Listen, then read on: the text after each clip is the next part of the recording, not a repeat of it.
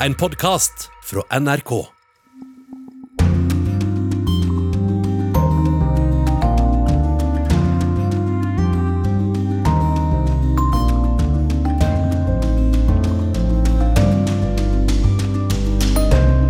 Du kan få eh, vaksinasjon på bordellet, og når du vaksinerer deg på bordellet, så får du gavekort.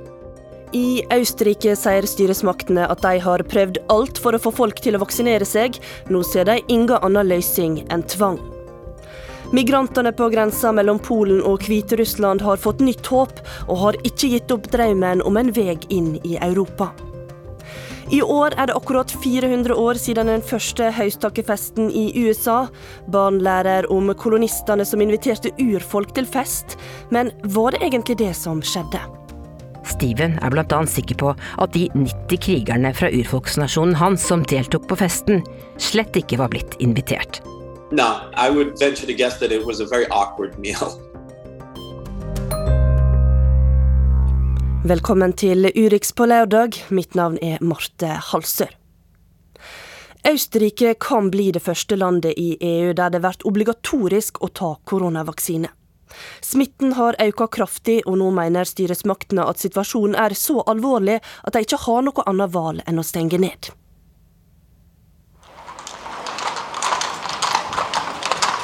I hest og kjerre blir turistene kjørt gjennom gatene og slåpna av utenfor slottet Hofborg midt i Wien. Det blir det brått en stopp for på mandag, når hele landet stenger ned i minst ti dager. Es war zu erwarten und ich finde es sehr notwendig. Det var på høy tid, sier Veronica. Selv om hun ikke liker det, mener hun at det er det rette å gjøre nå. For smitten i landet har økt, og selv om styresmakten hadde håpet at portforbud for uvaksinerte skulle snu trenden, så har ikke det vært nok. Rundt to millioner innbyggere i Østerrike har ennå ikke tatt vaksinen.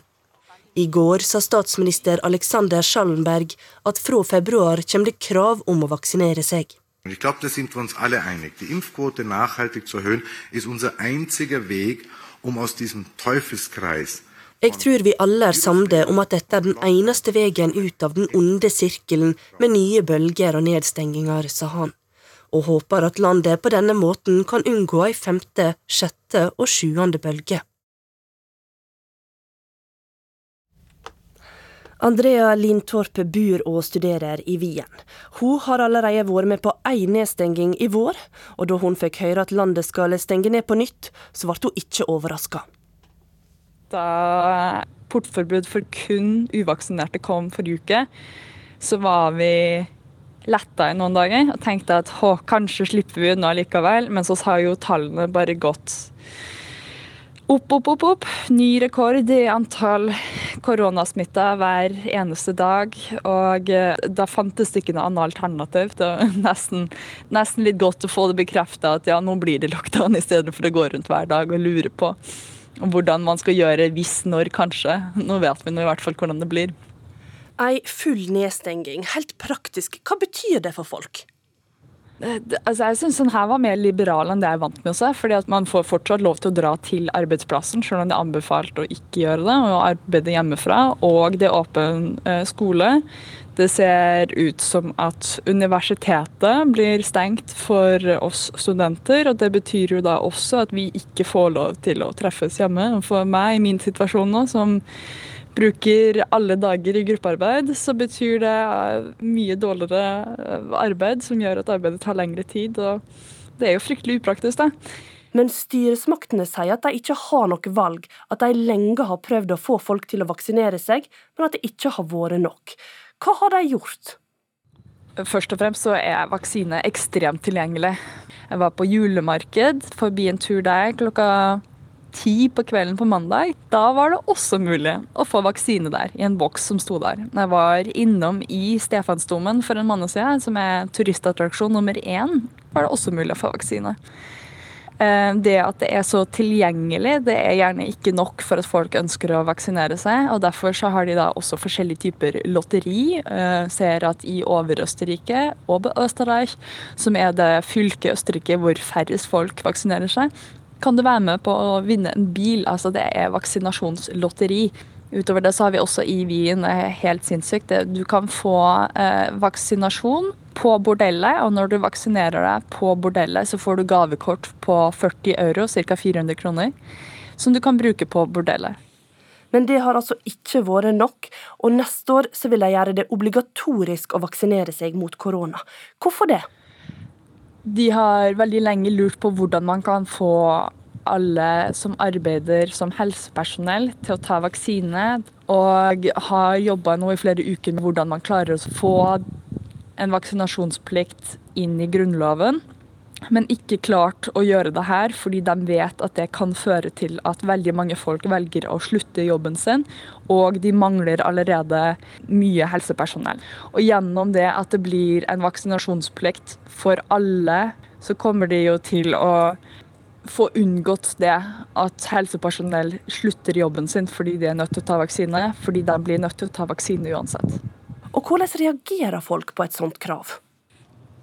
Jeg kan bare se for meg hvor sinte den gruppa av mennesker som ikke ønsker å ta vaksine, eh, blir. Jeg prøvde også å snakke med folk om hvorfor de de kjenner på landsbygda, eh, ikke ønsker å ta vaksine. Og mens jeg stilte de spørsmålene, så kom jeg jo på at i Østerrike så snakker man ikke om tabu, og politikk er tabu. Og derfor så snakker man i hvert fall ikke om hvorfor familie og bekjente ikke vaksinerer seg. Så da sier de gjerne sånn Æh, de er gærne, det er derfor de ikke vaksinerer seg. Eller de svarer at det er bare på trass. Jeg kan se for meg at det blir noen store demonstrasjoner inne i byen, sånn som det det var under tidligere lockdowns, hvor masse folk som var imot koronalockdown og, og maskeplikt og sånne ting, alle sammen samla seg i titusentall og gikk i tog. Eh, det kommer garantert til å bli sånn igjen. Og fra mandag så blir det altså nedstenging i minst ti dager. Hva gjør du da? Først så blir jeg jo sittende og fortsette med gruppearbeid og eksamener og gjøre det beste ut av situasjonen. Kommer mest sannsynlig til å måtte starte å jogge igjen. Det er jo ikke egentlig en type idrett som jeg synes noe spesielt om, men må man, så må man. Og eh, fordi at man vet at fra og med mandag så blir det lockdown, og lockdown har en tendens til å vente mange, vare mange, mange måneder, så er det sånn OK, nå må vi gjøre ting som er hyggelig, så fort som mulig. så da blir det eh, klatring i dag, og på søndag så blir det kino. Fordi hvem vet når neste mulighet kommer. I tillegg til å stenge ned, så vil altså Østerrike innføre en lov som gjør det obligatorisk å vaksinere seg mot korona. En lov som åpner opp for å straffe de som ikke gjør det. Og europakorrespondent Simen Eken, hva reaksjoner har det kommet på det? Nei, Det er jo sterke reaksjoner fra den delen av Østerrike som vi hørte, som har vært mot eh, vaksinering, eller skeptisk til vaksinering hele tiden. Det er klart Dette er jo eh, for dem eh, selve beviset på at dette er en utvikling de ikke vil ha. Og, det har jo blitt politisert i veldig stor grad også det høyrepopulistiske eh, østerrikske frihetspartiet har jo snakket om fascisme, om diktatur lenge, men nå blir da dette liksom det endelige beviset. Så ser vi reaksjoner i utlandet også. I Frankrike har det jo vært ganske store demonstrasjoner i Paris foran eh, Østerrikes ambassade, nettopp fordi det er mange i Frankrike som er nervøse for eh, at deres myndigheter skal gå en lignende vei. Og diskusjonen heller jo i den retningen i en del eh, europeiske land nå, særlig der man ser at man har for store problemer med å lokke folk til å ta vaksine. Og hvis det ikke fungerer med gulrot lenger, så, så, må man ta i, i bruk ulike former av pisk. Ja, for I Italia så har jo dette òg blitt diskutert. Er det noe som tyder på at flere land kommer til å innføre krav om vaksine? Ja, det tror jeg. Eh, diskusjonen i Italia, eh, har jo, der har man jo først og fremst nå, og det gjør man i de fleste land, eh, velger eh, former for eh, obligatorisk koronapass. I, I Italia har det jo lenge vært mulig å få et sånt grønt sertifikat, som de kaller det, ved å teste seg. Den muligheten er i ferd med å forsvinne en del steder.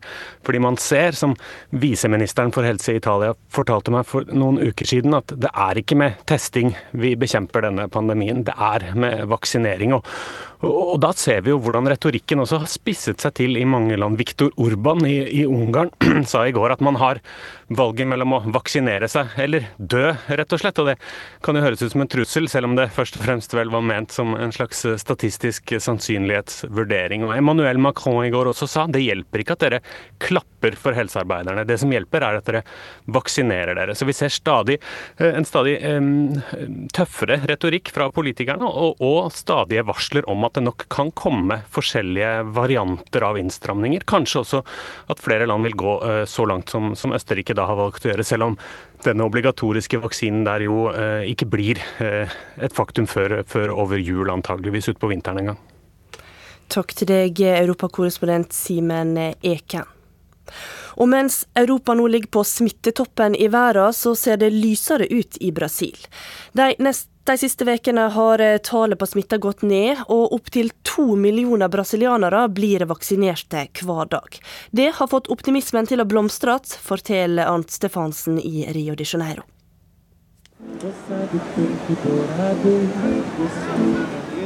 En mann med gitar fremfører bossa nova-klassikeren 'Piken fra Ipanema'. Og hva passer vel bedre enn solskinnsdag når den berømte Ipanema-stranda her i Rio er full av folk som gleder seg over at kampen mot pandemien endelig har gitt resultater. Hoje eu já sinto mais confiança em abraçar, em nå tør jeg klemme mine venner og ta folk i hånda, sier den 45 år gamle Raquel de Brito. Hun er fra Nordøst-Brasil og er med familien på den første ferieturen etter at pandemien rammet. Raquel har sett flere av sine nærmeste dø av covid-19, og hun har nå et sterkt håp. Hoje, nós temos uma opção, que é a vacina. Når vi nå endelig har fått en løsning, en vaksine, så håper jeg på det sterkeste at så mange som mulig tar den. Dette er den eneste løsningen for å bli kvitt denne onde sykdommen, sier hun. Og vaksineringen går unna i stort tempo her i Brasil. Mer enn 60% er fullvaksinert, og opptil to millioner doser blir nå satt daglig. På Rio Planetarium, byens største senter for covid-19, er det stor trengsel. Det er vaksiner nok til alle, og bare drøyt 5 av brasilianerne sier nei til å la seg vaksinere, viser en undersøkelse fra instituttet Datafolja. Dette er svært gledelig, for tidligere var skepsisen stor, og opptil 40% av brasilianerne sa de ville vente, sier vaksinesjef Angela Frossar ved Rio Planetarium til NRK. Jeg er på tur med Å Bongino, den lille trikken. Den har vært et Rio-symbol i mer enn 100 år og er en populær turistattraksjon. Trikketuren går fra sentrum av Rio opp til bydelen Santa Teresa, der det er en flott utsikt over deler av byen. Eu tô achando maravilhoso. Tudo muito lindo. Jeg synes det er en herlig reise, sier Carlos Antonio, som er kommet fra byen Recife for å oppleve Rios turistattraksjoner. Trikken er nesten full, og selv om det fortsatt er få utlendinger i Brasil, så har turistnæringen hatt en oppgang på 50% siden i vår. Og det er ikke den eneste næringen som vokser. Jeg tar heisen opp til 21. etasje i Rio Sol, kontorbygget der det offisielle Norge i Rio de Janeiro har sine kontorer.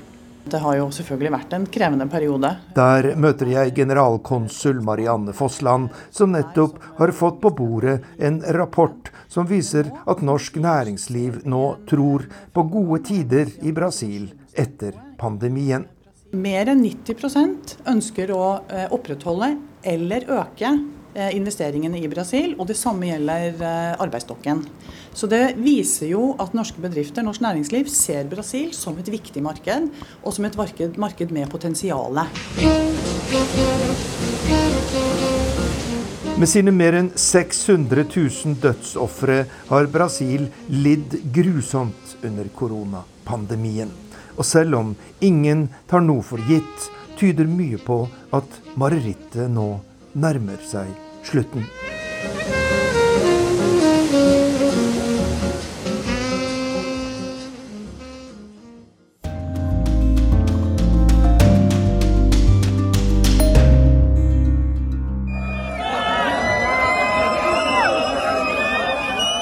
Dette er lyden av håp. Migrantene på grensa mellom Polen og Hviterussland hadde akkurat fått høre at det kan åpne seg en vei inn i Europa. President Aleksandr Lukasjenko foreslo for den tyske statsministeren Angela Merkel at 2000 migranter skulle få komme til Tyskland gjennom en humanitær korridor. Som en del av avtalen skulle Lukasjenko sende de andre 5000 migrantene tilbake til heimlandet. Og korrespondent Jan Espen Kruse, du har nettopp vært på den hviterussiske sida av grensa.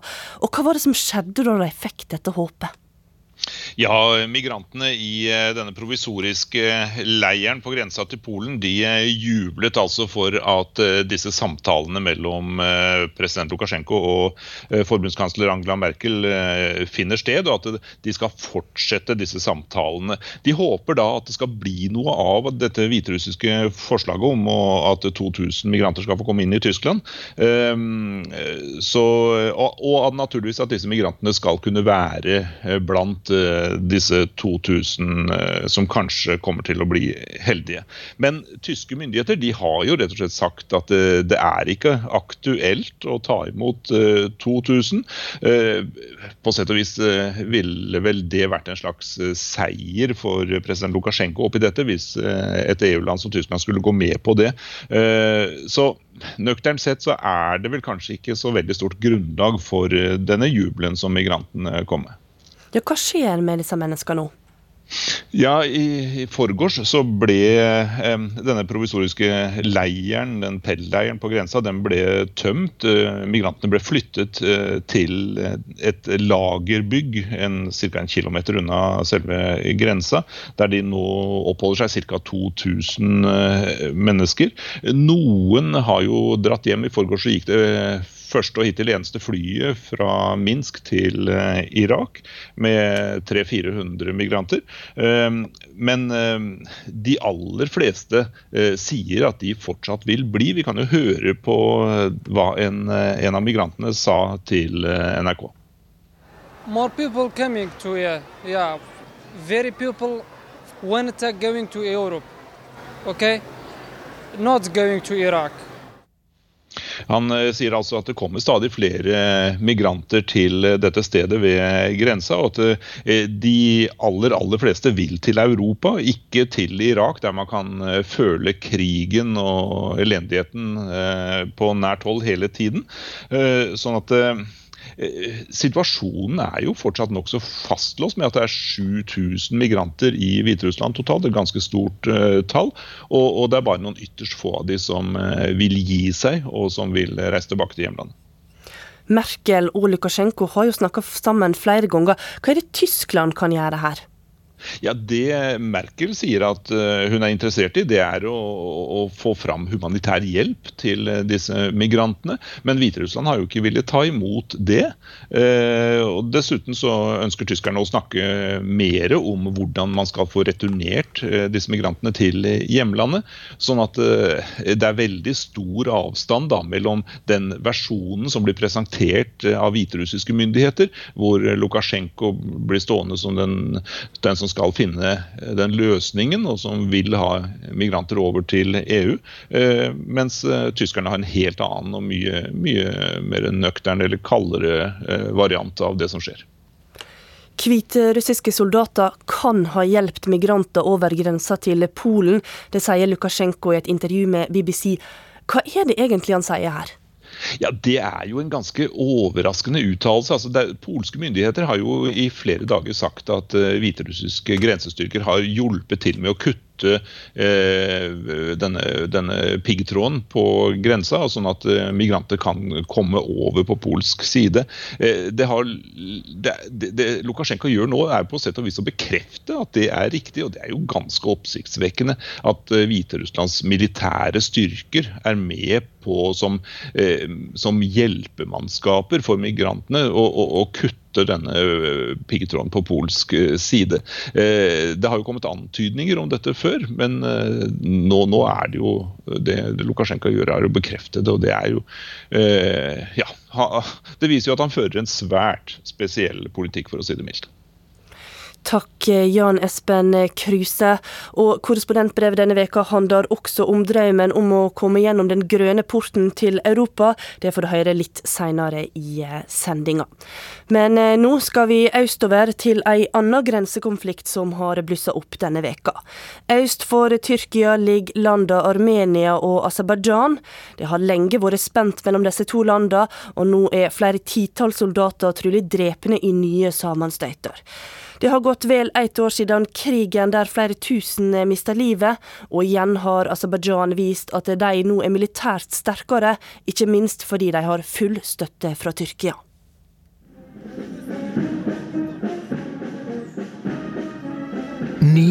november i den aserbajdsjanske hovedstaden Baku.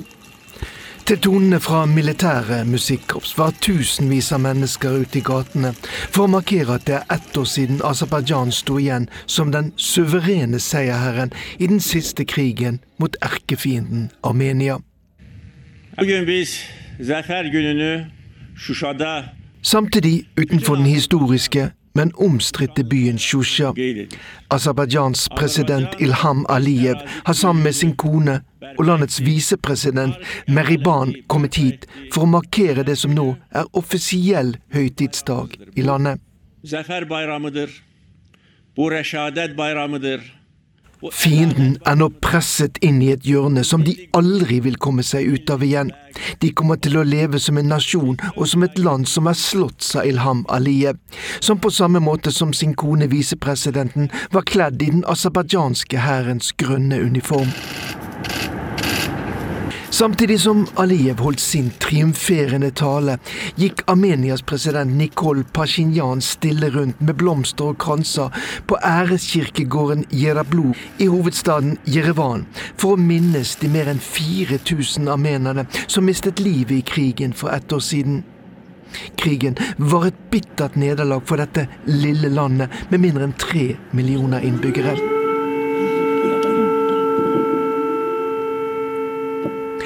Ikke bare tvang kampene titusenvis av armenere på flukt. Alt som ble vunnet i den forrige store krigen på begynnelsen av 1990-tallet gikk tapt, først og fremst fordi Aserbajdsjan hadde brukt sin økonomiske styrke til å bygge opp en moderne armé, der bl.a. bruk av tyrkiskbygde droner gjorde dem helt overlegne på slagmarken. Сегодня, 9 ноября til slutt var det Russlands president Vladimir Putin som fikk partene med på en våpenhvile, som ga Aserbajdsjan tilbake nesten alle områder som de tapte i den første krigen, og der Armenia nå er avhengig av russiske fredsbevarende styrker for å kunne reise inn til enklaven Nagorno-Karabakh, som formelt ligger inne i Aserbajdsjan. Men samtidig gikk også den armenske presidenten med på at også aserbajdsjanerne skal få tilgang til sin store enklave i dette området, Nakhitsjevan, som ligger klemt mellom Armenia og Tyrkia. Aserbajdsjanerne har tolket denne avtalen som om de skal ha kontroll over en landveisforbindelse gjennom Armenia. Og her ligger trolig kjernen i hvorfor konflikten i dette strategisk viktige området har blusset opp igjen denne uken.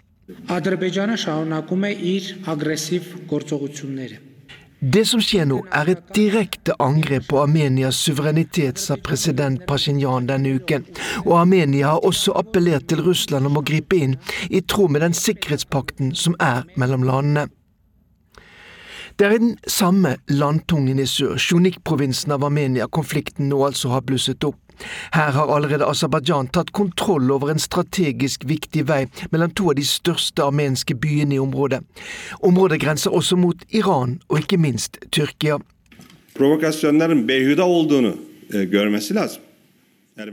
Den tyrkiske utenriksministeren Mevlut Cavusoglu la onsdag all skyld på Armenia for den opptrappingen som nå skjer.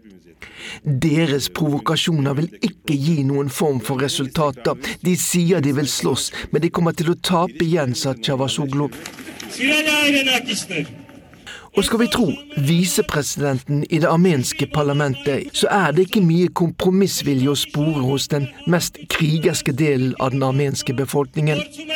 De prøver å tyrkifisere Armenia, var hans budskap, vel vitende om at forholdet nettopp til Tyrkia er svært følsomt blant mange armenere, som mener tyrkerne står bak et folkemord mot dem under første verdenskrig. Mens Aserbajdsjan har gjort 8. november til den offisielle seiersdagen, så slikker altså armenerne sine sår etter det bitre nederlaget for ett år siden. Ishkan Sageteljan sier at krigen ikke er over, og hendelsene denne uken kan gi ham rett.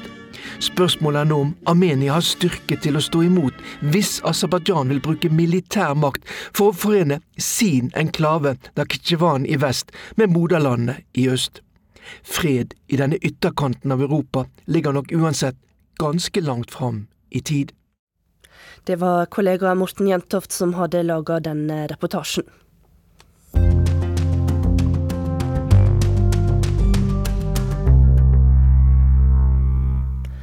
For folk i USA handler den neste veka om kalkun med tilbehør og reiser hjem til familie. I år er det faktisk akkurat 400 år siden den første thanksgiving-høgtida ble feira i USA.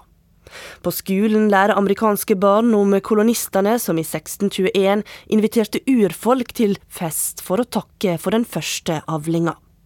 Men det er slett ikke den sanne fortellinga om den første høystakkefesten. Kollega Tove Bjørgaas har gravd litt i historia.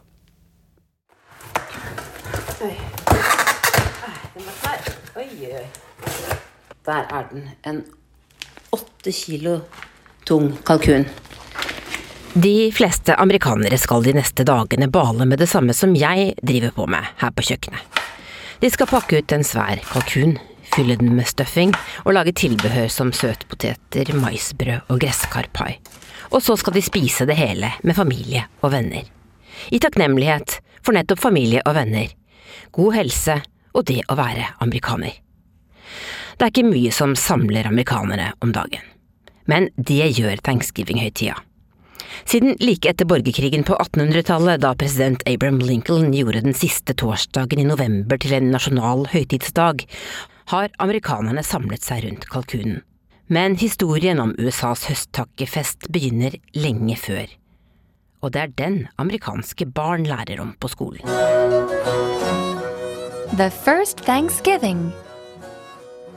I november 1620 kom 102 menn, kvinner og barn fra England om bord på skipet The Mayflower.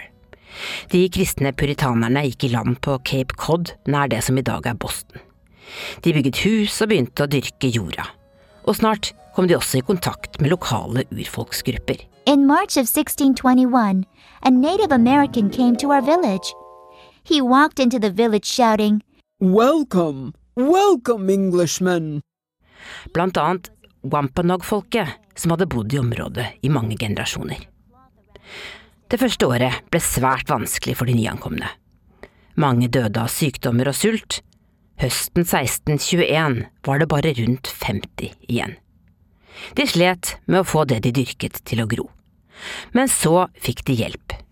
Fra urfolket, heter det i historien. Og i 1621, for 400 år siden, feiret de sin første avling med en stor høsttakkefest. To celebrate our bountiful harvest, we invited the great King Massasoit and his advisors to our village. I historien amerikanske barn lærer ble urfolkskrigerne invitert til å delta i festen og de takknemlige pilegrimene som hadde berget livet. That there were um, some large game, uh, most likely deer. Uh. De spiste trolig hjort, fjærkre, som kan ha vært kalkun, og mais, forklarer Steven Peters. Jeg snakker med han på video der han sitter i stua si rett i nærheten av der den første thanksgiving-festen fant sted. Yeah, hi, I'm Stephen Peters. Uh, I am a citizen of the Mashpee Wampanoag tribe, and I'm also the creative director at Smoke Signals. Steven er en del av urfolket Wampanoag, og jobber med å fortelle deres historie gjennom et prosjekt som rett og slett heter Røyksignaler. Hans fortelling om høsttakkefesten er imidlertid langt mindre rosenrød enn den barne-TV-historien forteller. Steven er blant annet sikker på at de 90 krigerne fra urfolksnasjonen hans som deltok på festen, slett ikke var blitt invitert. No, I would venture to guess that it was a very awkward meal. Um, you have to you have to see that there were at that point 51 uh, pilgrims that had survived that first winter, and all of a sudden they were vastly outnumbered, um, almost two to one, by Wampanoag warriors. I årene etter 1621 gikk det dårlig med folket til Steven. De ble forfulgt og fordrevet og fikk tre valg av de nyankomne. My ancestors were really given probably three options. They were given the option to move into a praying Indian town, convert to uh, their religion, or to become a slave or killed. De kunne bli kristne, bli slaver eller bli drept. Barn ble tatt fra foreldrene, og språket deres ble forbudt. Forfedrene til Steven valgte å bli kristne og bli boende i området. you know, was, you know, well over 100,000. Vi var 100 000 mennesker i området på den tiden, men i dag er det bare noen tusen Wampanoag-folk igjen, forklarer Steven Peters. Noen av hans kaller høsttakkefesten en sørgedag. Men hva med Steven? Given what you've uh, just told me, uh, do you and your family celebrate Thanksgiving today? We do take advantage of that that Thursday to sit down as a as a family and, and enjoy a, nice meal. But not before we we remember um, where we're at as a people and why.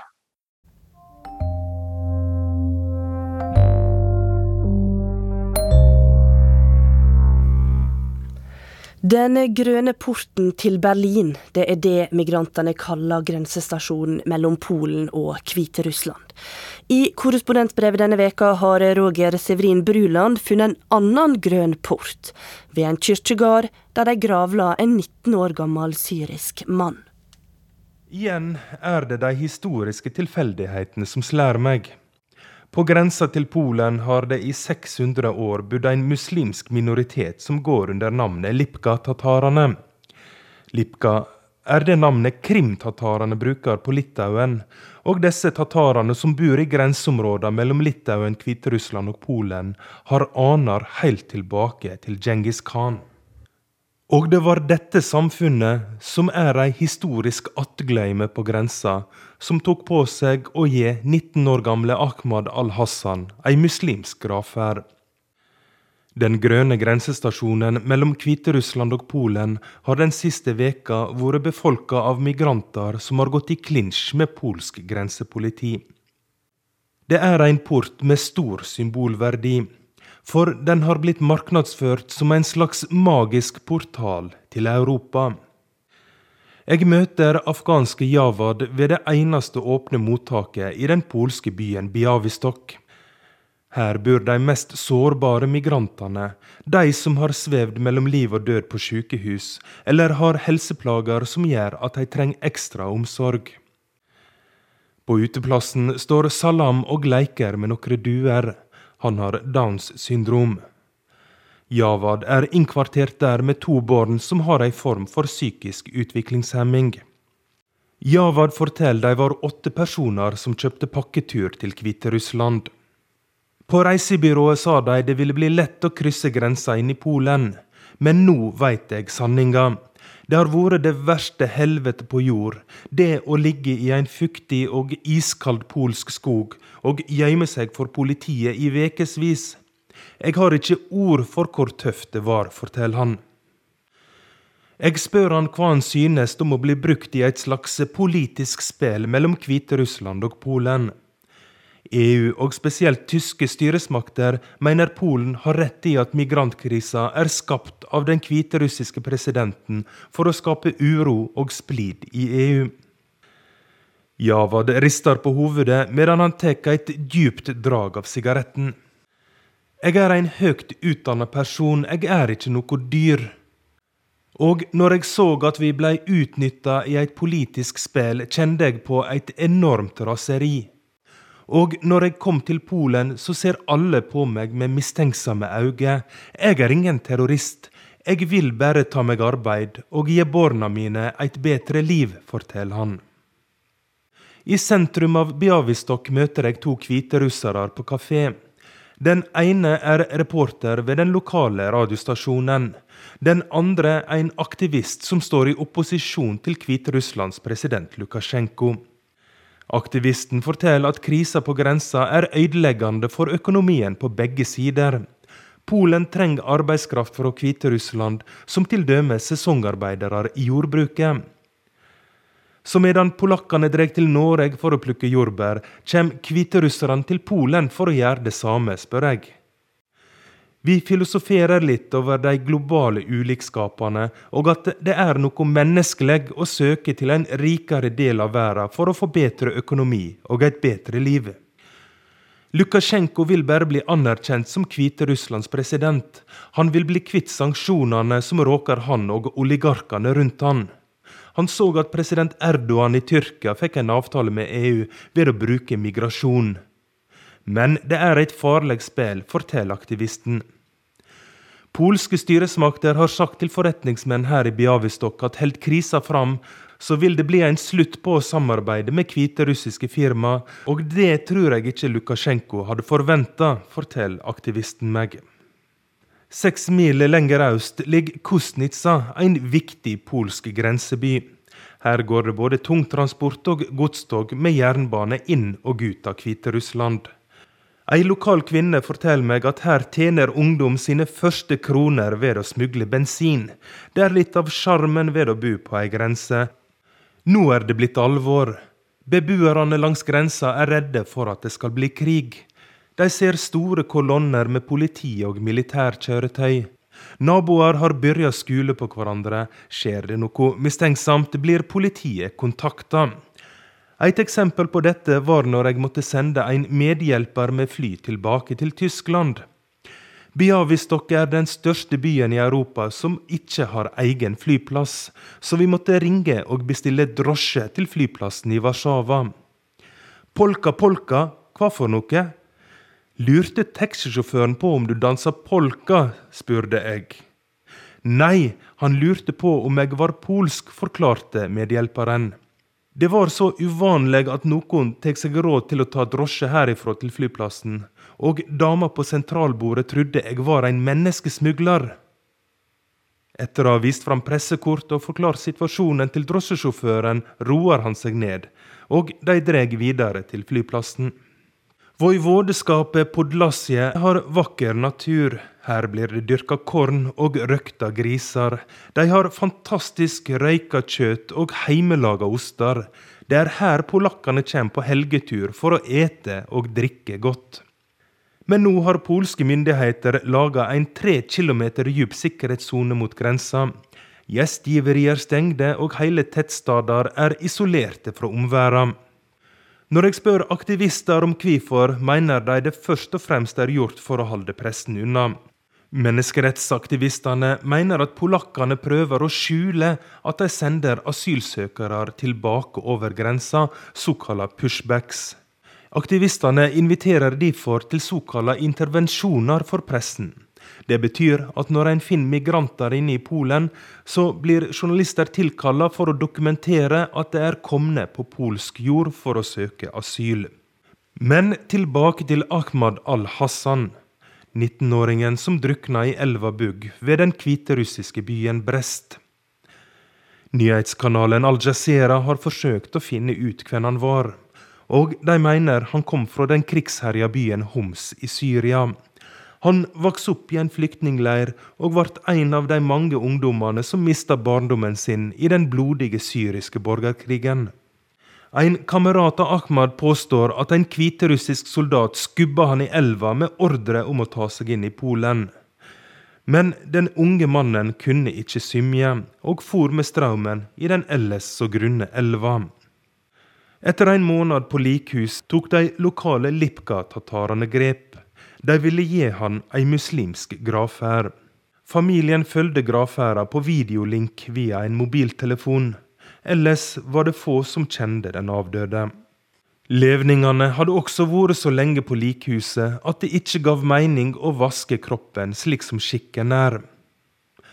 Når NRK besøker kirkegården noen dager etter, får vi vite at det er satt av flere gravplasser på kirkegården, for en frykter at det er flere som vil dø i tida framover.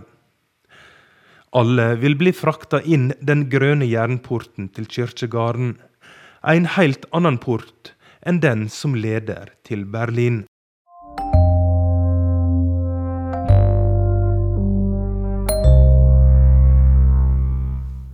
Kina styrker seg stadig i konkurransen med USA.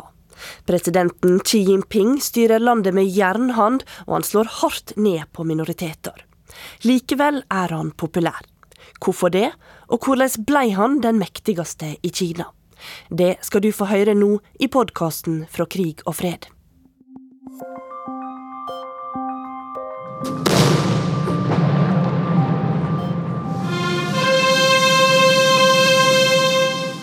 President Xi Jinping kjøres gjennom Beijings paradegata stående i en åpen bil og hilser på folkemengden med 'hei, kamerater'. Soldater på geledd og våpenparade markerer Kinas 70-årsdag.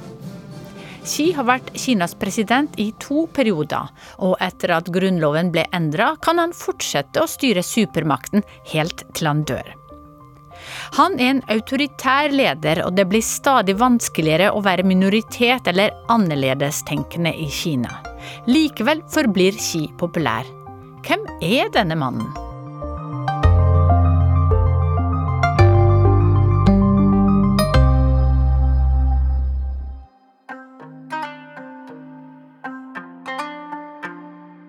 Han har hatt en veldig tøff eh, oppvekst. Han eh, ble jo født inn i en politisk familie, men faren hans ble jo eh, kasta ut av partiet. Han var propagandasjef bl.a. i kommunistpartiet, men ble kasta ut da Xi Jinping var ti år gammel. Og hans mor måtte jo ta avstand fra Xi Jinpings far i offentligheten. Og hans far ble dratt gjennom folkemengden for å bli utskjelt.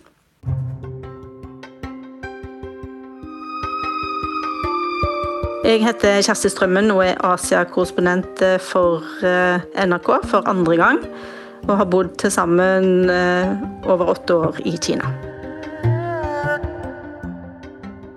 Og så måtte han jo da slutte skolen tidlig fordi han pga. dette historiske kapitlet da, i, i Kina.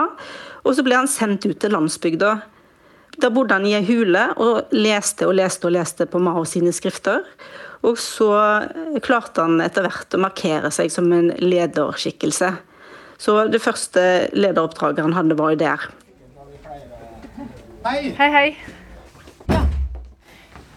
Ja, jeg studerte i flere år på det universitetet Tsinghua midt i, eller i, i Beijing, som Xi Jinping selv studerte i et par perioder. Først eh, i de undergradene sine, men hvor han også tok doktorgraden sin i det jeg tror er studier av juss og sosial ideologi. Og han som var veilederen til Xi Jinping, var en av professorene som jeg gikk på mange forelesninger til, og som også deltok i undervisninga på noen av de kursene. Jeg tok 我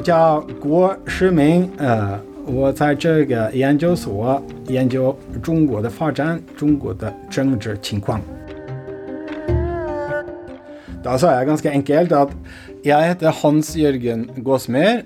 Jeg forsker på det her uh, forskningsinstituttet i Norge. Jeg Er opptatt av kinesisk utvikling og kinesisk politikk sin situasjon. Jeg Er ansatt både ved Universitetet i Bergen, på Institutt for sammenlignende politikk, og på NUPI, hvor jeg jobber som seniorforsker. Men du har kanskje fått noe, lært noe fra denne, denne professoren, som også Xi Jinping har lært? Uh, vi har vel tatt med oss at uh, for store økonomiske skiller i samfunnet kan skape konflikter. Og det er i hvert fall um, en politikk som også mange i Norge er opptatt av, men som også Xi Jinping i sitt styre, oppi all den her autoritære og liksom maktfokuserte politiske kursen, også er veldig opptatt av. 我们实现了第一个百年奋斗目标。 Vi har nådd århundrets mål om å skape et moderat velferdssamfunn. Vi har også satt oss et historisk mål om å avskaffe absolutt fattigdom i Kina. 绝对贫困问题 Her hørte vi en av de mange talene til Xi hvor han snakker om sosial ulikhet. Eh, Ideologien til Xi har nettopp blitt pensum på kinesiske skoler, men hva er ideologien til Xi? På mange måter så passer han inn i et mønster alle kinesiske ledere de siste åra har introdusert sine deler til liksom den teoriutviklinga som fortsetter, som går inn i partistatuttene og går inn i, i Grunnloven. Eh, og så har Xi Jinping eh, også gjort det, men da opprettholder på en måte de teoriene som har vært lagt til underveis, som, òg uh, kjører litt sånn slalåm mellom de grunnleggende begrepene sant, i leninisme og sosialismen og maoismen som, som Kina liksom sine, uh, i sin ideologiske politikk bygger på.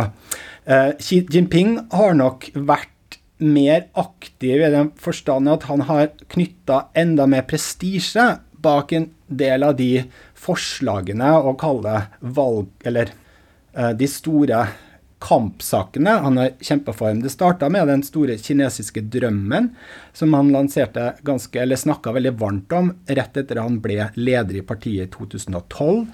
Eh, og så har de også lagt til i de seinere åra ganske sånn avans... Eller gjennomtenkte teoretiske på en måte arbeid knytta til eh, det som skal være Kinas sosialisme i en ny æra, og også det som skal være eh, framveksten, eller det som er arbeidet for å oppnå Kinas storhet i liksom vår tidsalder.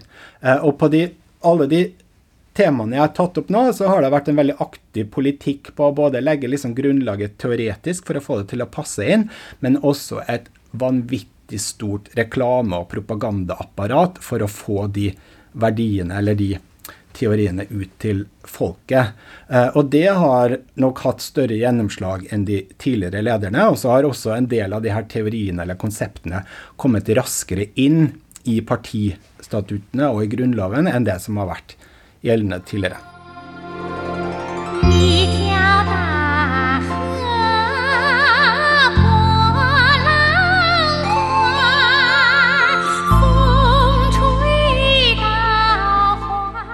Eh, Xi Jinping er også en person som greier å framstå på et vis som gjør at han er ganske folkelig. Har en, en familie og en kone, da, først og fremst, som også passer veldig godt inn i en sånn rolle som en sånn verdenslederpar. Hun, hun selv, som er kona, har også en sterk karriere som operasanger og fra militæret, og er også en sånn som uh, kan representere Kina innenfor kultur, innenfor mote, design. Litt sånn som minner kanskje til litt sånn forveksling om Obama og, og, og det ekteparet. Liksom gjør Kina til en annen type, i hvert fall synlig aktør, enn det Kina har vært eh, tidligere.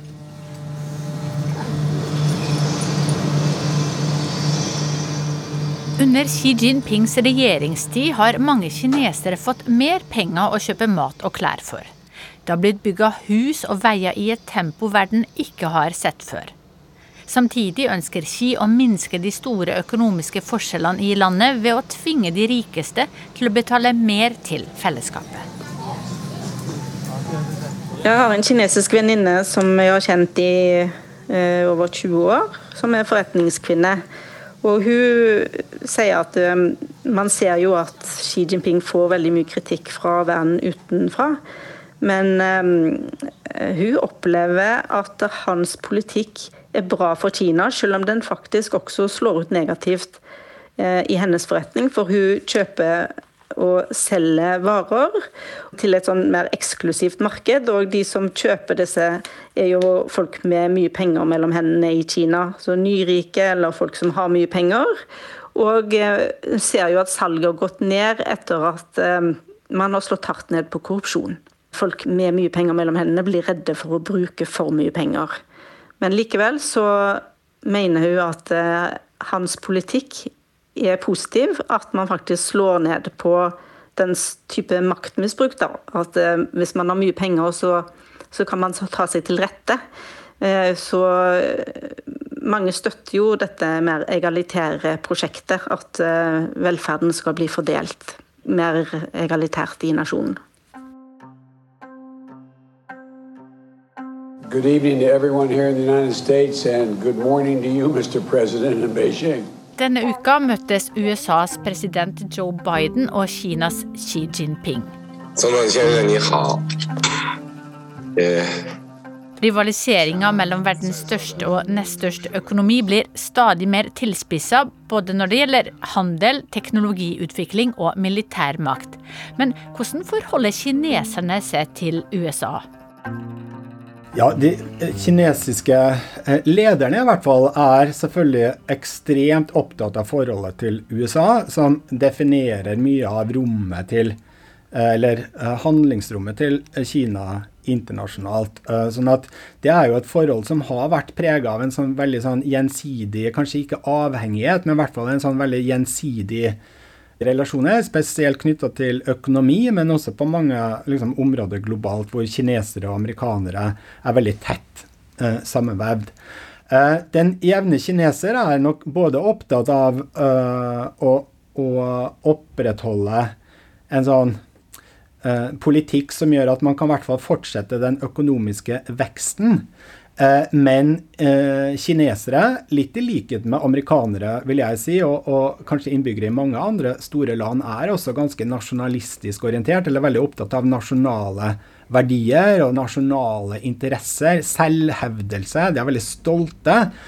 Eh, sånn at Xi Jinping har også veldig brei støtte når han enten utfordrer eller ser ut som han utfordrer også amerikansk eh, politikk. Så det er også en balansegang faktisk for, for kinesiske politikere at de er nødt til å også framstå utad som, som sterke og strenge og ikke la seg pelle på nesen, f.eks. av amerikanske presidenter. Og så er uh, det ofte i kinesiske medier så får man ofte en sånn um, en litt sånn vagere versjon av det som faktisk skjedde f.eks. under det møtet, hvor man ofte legger vekt på de mer sånn positive sidene, med tanke på at, at det kanskje kan komme noen positive signaler. Men forholdet USA og Kina er en av de virkelige store sakene i vår levetid, som vil fortsette å være veldig anstrengt, og hvor den skjerpa konkurransen mellom de to helt sikkert vil føre til enda større konfliktnivå på mange områder.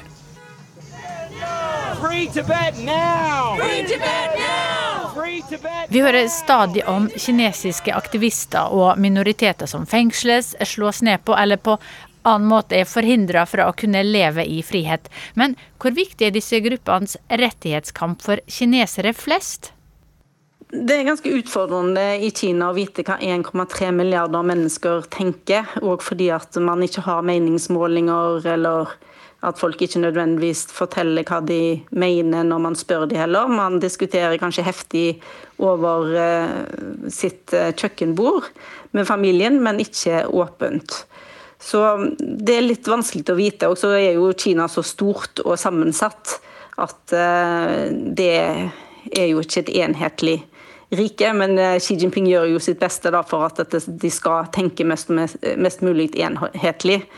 Eh, så, men mange han-kinesere, altså som kommer fra majoriteten da, i, i, Kina, mener at uh, man prøver å hjelpe minoriteter ut av fattigdom, og mer sånn til å bli opplyste og kunne ta del da, i også den rikdommen og velferden som, som mange nå i Kina opplever å ha. Jeg pleier ofte å si at det er veldig enkelt å uh, ha det bra i, i Kina hvis du tilhører den store hopen som støtter opp om den politiske kursen. Men i et så autoritært land med så stramme grep, uh, så er det dessverre vanskelig jo mer uenig du er i den kursen, og f.eks. jo mer du føler deg kua eller undertrykka, enten som del av en minoritetsgruppe som kan oppleve at du er i en veldig vanskelig situasjon, eller som en del av en annen liksom, politisk interessegruppe som ønsker å fremme noen andre eh, verdier. Så det er liksom eh, Kommer veldig an på hvem du representerer, og hva du er opptatt av. Og så er det sånn at den jevne kineser går ikke rundt og er veldig opptatt av hvordan minoriteter i Xinjiang eller i Tibet har det til daglig. Og så er det også en kjensgjerning at, at, uh, at, det kinesiske regimet, og ikke minst Xi Jinping, også har veldig stor popularitet i det kinesiske befolkninga. Så det er et sånt veldig De får veldig stor oppslutning blant folk flest. Deres opplevelse er at så lenge landet fortsetter å, å gå framover og utvikle seg i en positiv retning, så er det faktisk den uh, strenge politikken som gjelder i dag, som er den, uh, den beste.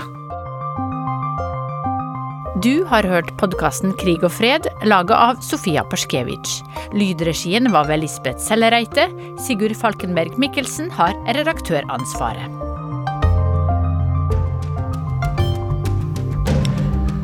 Og da takker vi for følget og ønsker god helg. Teknisk ansvarlig for sendinga var Finn Lie, produsent Erlend Rønneberg, og i studio Marte Holsør.